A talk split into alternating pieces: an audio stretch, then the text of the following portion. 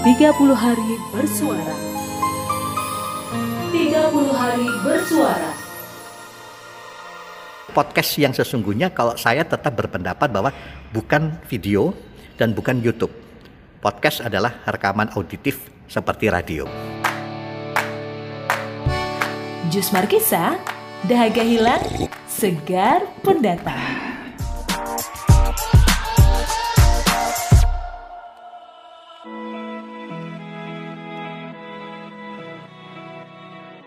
Hai Juicers, ketemu lagi dengan Susan Wibowo di sini dalam podcast Jus Markisa. Mari kita syalalalala. Ya, menyemarakkan tantangan 30 hari bersuara yang dilangsungkan oleh The Podcasters Indonesia. Episode kali ini Jus Markisa akan menghadirkan sebuah topik yang sudah direncanakan yaitu tentang keputusan. Secara spesifik, kali ini Susan Wibowo akan mengajakmu untuk berpikir apakah keputusan membuat podcast ini adalah keputusan yang tepat? Dan terkait dengan perkembangan teknologi saat ini yang menggiring audio ke ranah video itu juga membutuhkan sebuah keputusan tersendiri. Apakah konten-konten di YouTube yang menggunakan kata podcast itu bisa disebut dengan podcast Ya, beragam pertanyaan ini muncul dalam pikiran saya dan untuk menjawabnya butuh seorang narasumber yang memang kredibel, punya pengalaman tinggi dan harus seorang tokoh yang berpengaruh dalam perkembangan di dunia radio.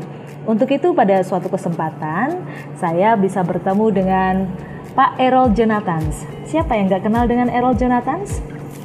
Kalau yang sudah lama malang melintang di dunia radio sudah nggak asing lagi dengan beliau, Ya, beliau selaku pendiri dari Radio Suara Surabaya, beliau ini juga memiliki pemikiran-pemikiran yang brilian tentang perkembangan dunia radio, khususnya dalam hal konvergensi media.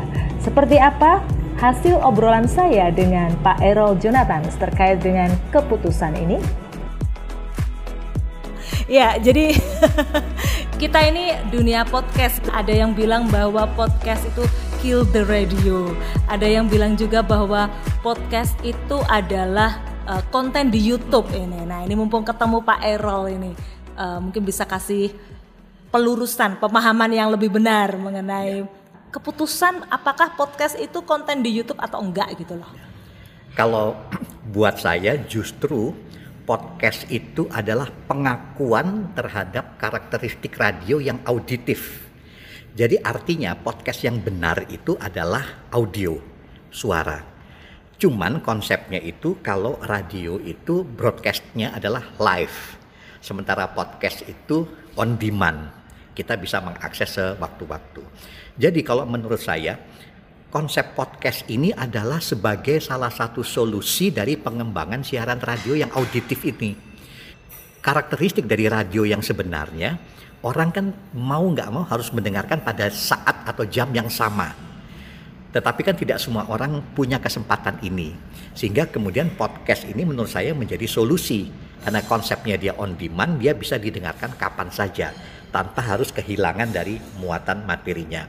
Walaupun memang kemudian dalam perkembangannya podcast ini kemudian tidak menyiarkan persis seperti yang live, tetapi kemudian dikemas ulang dalam sebuah uh, konsep dari depan sampai dengan akhir, tetapi idenya sebenarnya sama. Nah, cuman kalau buat saya begini, eh, podcast itu pertama selain karakteristiknya dia radio, tetapi dia juga menantang kemampuan dari announcernya, yang menurut saya ini cara penyiar radio yang sesungguhnya. Sehingga kemudian ketika ada orang mengatakan bahwa radio ini menjadi sunset segala macam, menurut saya podcast justru membuktikan pesona siaran radio yang auditif yang bukan visual radio ternyata kok malah menarik perhatian. Bahkan kemudian di podcast ini semua orang bisa bicara apa saja dan tentang apa saja. Sehingga kemudian kesempatan untuk konsep siaran audio model penyiar radio itu justru sekarang menjadi berkembang sangat pesat. Jadi saya bersyukur dengan adanya podcast ini itu bisa menjadi layanan yang lain lagi dari siaran radio yang secara live itu. Ternyata ada sebagian masyarakat kita ini yang begini Pak Erol, yang menganggap bahwa podcast itu adalah konten di YouTube. Jadi kalau kita sudah mengunggah video di YouTube, terus kita kasih judul podcast, itu adalah podcast gitu loh Pak Er. Nah ini tolong, ini pelurusannya bagaimana ini? Ya saya juga nggak tahu gimana sejarahnya kok tiba-tiba yang visual itu juga dibilang podcast. Karena sebetulnya podcast itu kan dari iPod dan broadcast. Nah kita ingat zaman iPod dulu itu kan cuma buat nyimpan lagu, audio gitu kan. Nah kemudian dikemaslah dalam bentuk seperti ini semacam radio broadcast seperti itu. Jadi eh, menurut saya visualisasi itu bukan podcast, YouTube itu bukan podcast. Podcast adalah rekaman audio yang sifatnya seperti tuturan dan kemudian bicaranya searah dan benar-benar hanya audio.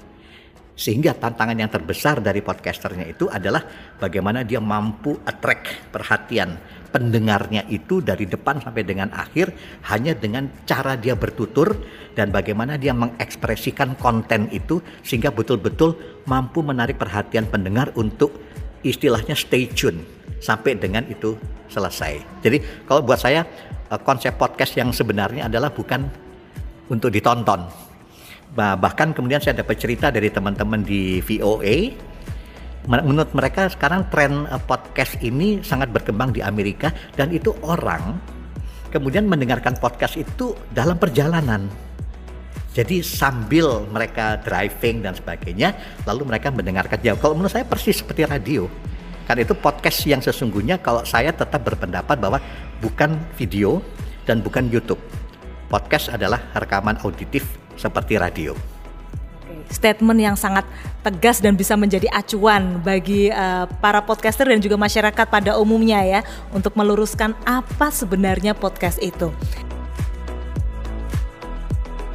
berangkat dari statementnya Pak Erol ini Juicers yaitu see what you hear makanya habis itu langsung oh gara-gara satu statement itu saya langsung berpikir kayaknya ini pas ketika ada dua opsi di sini ya yaitu kata kerja see dan kata kerja hear mana yang harus diputuskan nah kaitannya dengan statement tersebut ini bagaimana sih Pak Erol? Ya. Jadi see what you hear. Kalau dalam konsep radio visual ini memang siaran ditambahkan dengan visualisasi. Tetapi dalam konsep podcast, see what you hear, ketika Anda mendengarkan, Anda melihat dengan imajinasi. Kemudian kita dibawa seakan-akan kita terlibat di dalam story atau cerita itu. Sehingga kemudian kita mendengarkan tetapi imajinasi visual kita yang berjalan, bermain. Makanya see what you hear. Dan saya pesan banget untuk para podcaster, kalau Anda mampu membuat pendengar Anda see what you hear, maka Anda adalah the real podcaster. Hai Juicers, itu tadi penjelasan dari Errol Jonathans sebuah statement yang sangat tegas dan kuat ya bahwa podcast adalah produk audio atau radio dan bukan video atau YouTube. Jadi itu yang harus di-highlight, itu yang harus di-underline oleh masyarakat dan juga kaum podcaster itu sendiri ya bahwa podcast basicnya adalah audio. Oke, okay, juicers, Hari ini tanggal 3 Desember 2020, Susan Wibowo sudah menjawab tantangan di hari yang ketiga dalam 30 hari bersuara. Besok kita akan ketemu lagi dengan topik yang berbeda, yaitu tentang rencana. Seperti apa Jus Markisa menampilkan topik rencana tersebut? Jangan lewatkan satu hari pun episode yang dapat kamu dengarkan di podcast Jus Markisa karena isinya pasti bikin kamu segar dan informasimu tambah, bertambah, bertambah, dan bertambah banyak. Saya Susan Wibowo pamit, terus semangat untuk mendengarkan karya anak bangsa dan jadilah podcaster yang baik yang menjadi storyteller yang baik mengemban misi kebudayaan Indonesia.